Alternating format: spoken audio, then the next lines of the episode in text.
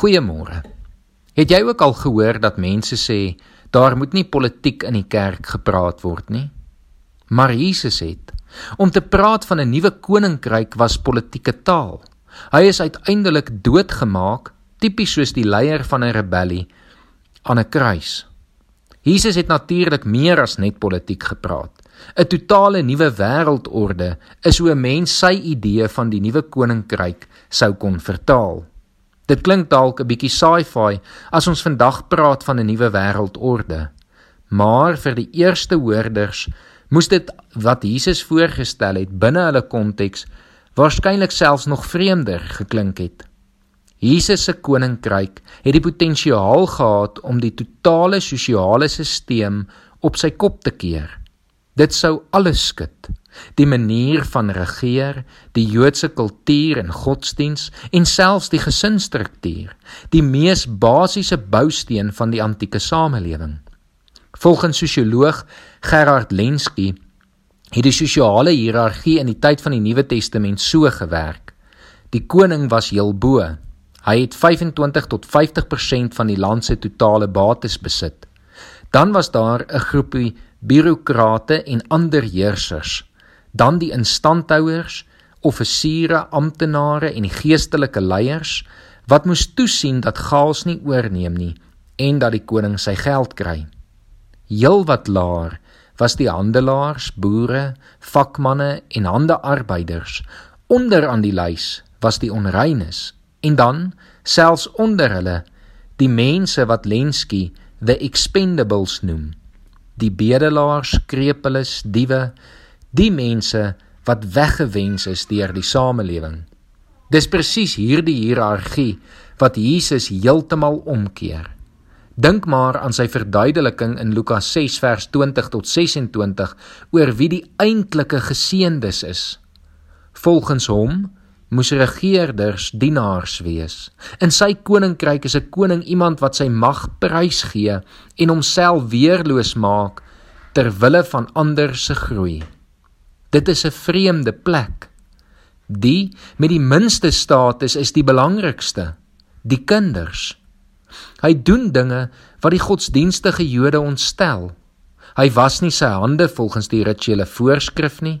Hy vas nie op die gebruikelike vasdag nie en hy laat sy disippels koring pluk op die Sabbat. Die Joodse godsdienstige leiers het sekerlik amper iets oorgekom toe 'n Samaritaan gebruik word as voorbeeld oor wie 'n mens se naaste is. Van die mees skokkende goed wat Jesus gesê het, het betrekking gehad op die gesin. Die antieke mens se hele identiteit en menswees was gebaseer op die gesin waarin hy of sy behoort het. Dis teenoor jou gesin dat jy in die eerste plek met eer of skaamte opgetree het. Maar Jesus kom sê: "Wie is my moeder en wie is my broers?" Dit moes uiterlik moeilik afgegaan het in die antieke tyd. Dit was om die minste te sê skokkend vir die eerste hoorders. Richard Rohr merk op dat die evangeliese konservatiewes vandag dikwels familiewaardes as redes vir eksklusiwiteit voorhou. Maar tog sê hy sukkel hulle om 'n enkele vers in die vier evangelies te kry om dit te staaf. For Jesus, family values mean treating other people in the community as if they were your biological siblings or your mother, and that's extraordinary. Die godsdienstige leiers was ontsteld wanneer Jesus iemand op die Sabbat genees of buite die tempel vryspreek. Dis asof hulle bang was en besig was met die vraag wat is die implikasies hiervan vir die godsdienstige instelling?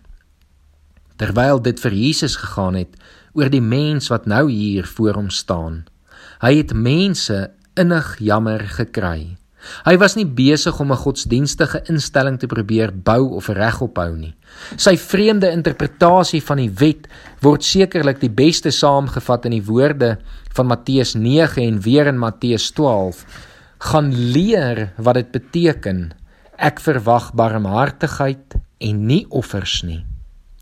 Wanneer ons in die eerste plek lojaal is aan God se koninkryk, word individue belangriker as die godsdienstige instellings en God word belangriker as die godsdiens.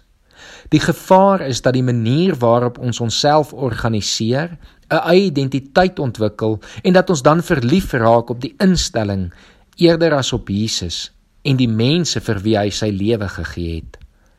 Dietrich Bonhoeffer het gesê: He who loves community destroys community, but he who loves brothers and sisters build community. Van die gesprekke van vandag wat in die kerk gevoer word, laat my soms wonder of ons besig is met die regte vrae. Dit kan gevaarlik wees vir die kerk as ons te veel fokus op kerksake. Jesus het sy lewe gegee vir die wêreld en hy vra dat sy kerk dit ook sal doen.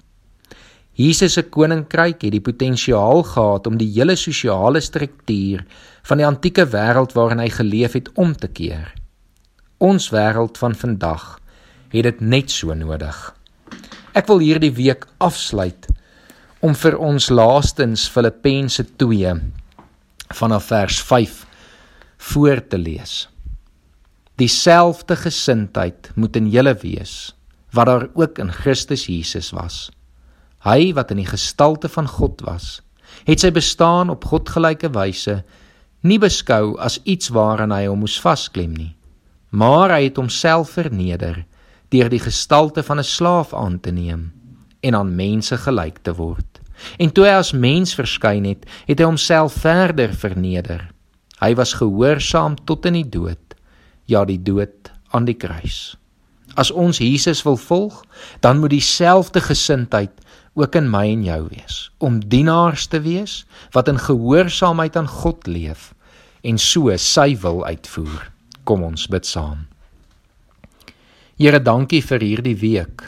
Dankie dat U in ons gewerk het en ons weer bewus gemaak het van wat dit beteken om U te volg. Wat dit beteken om onsself te verloon sodat ons U kan volg.